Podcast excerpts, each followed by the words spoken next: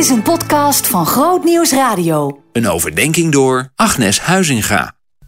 We lezen Deuteronomium 32, vers 4. Hij is een rots, hij staat voor recht. Alles wat hij doet is volmaakt. Trouw is God, rechtvaardig en zuiver. In hem is geen spoor van kwaad.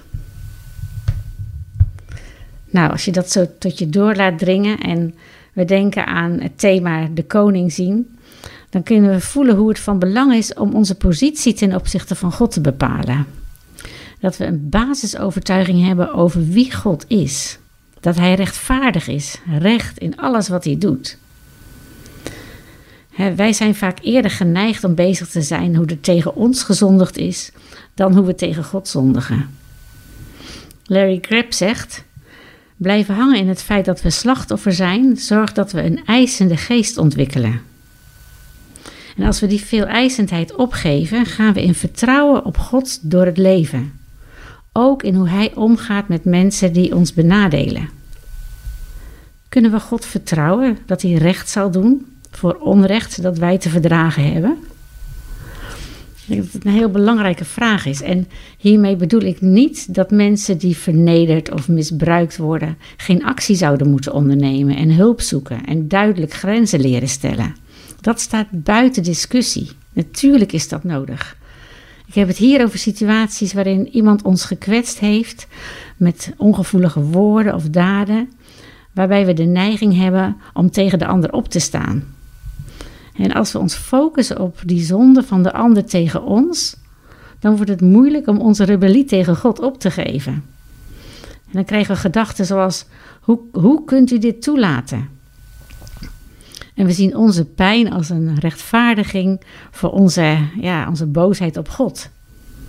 Maar als we ons richten op wat wij God aandoen en hoe we Hem toch eigenlijk voortdurend zeer doen door onze zelfgerichtheid en ja, onze weerstand en, en het falen in hoe wij Hem kunnen liefhebben en vertrouwen, dan lost onze rebellie op. En dan komt er een ander perspectief. Waarin wat de ander gedaan heeft veel minder van betekenis is dan wat wij God aandoen.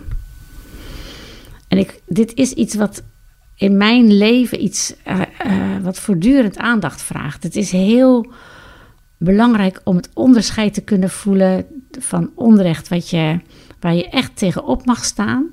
En onrecht waarin je ego gekwetst wordt. En wat, wat je te vergeven hebt, wat je los te laten hebt. En waar, uh, ja, waarin het kan helpen als we ons richten op de genade die God voor ons heeft. Want dan krijgen we steeds meer een perspectief van recht toe recht aan.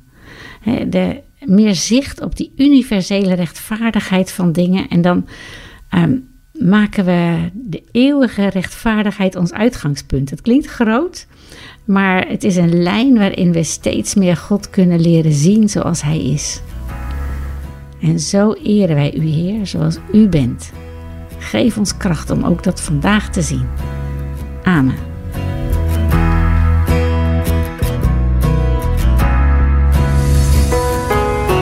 Meer verdieping? grootnieuwsradio.nl slash podcast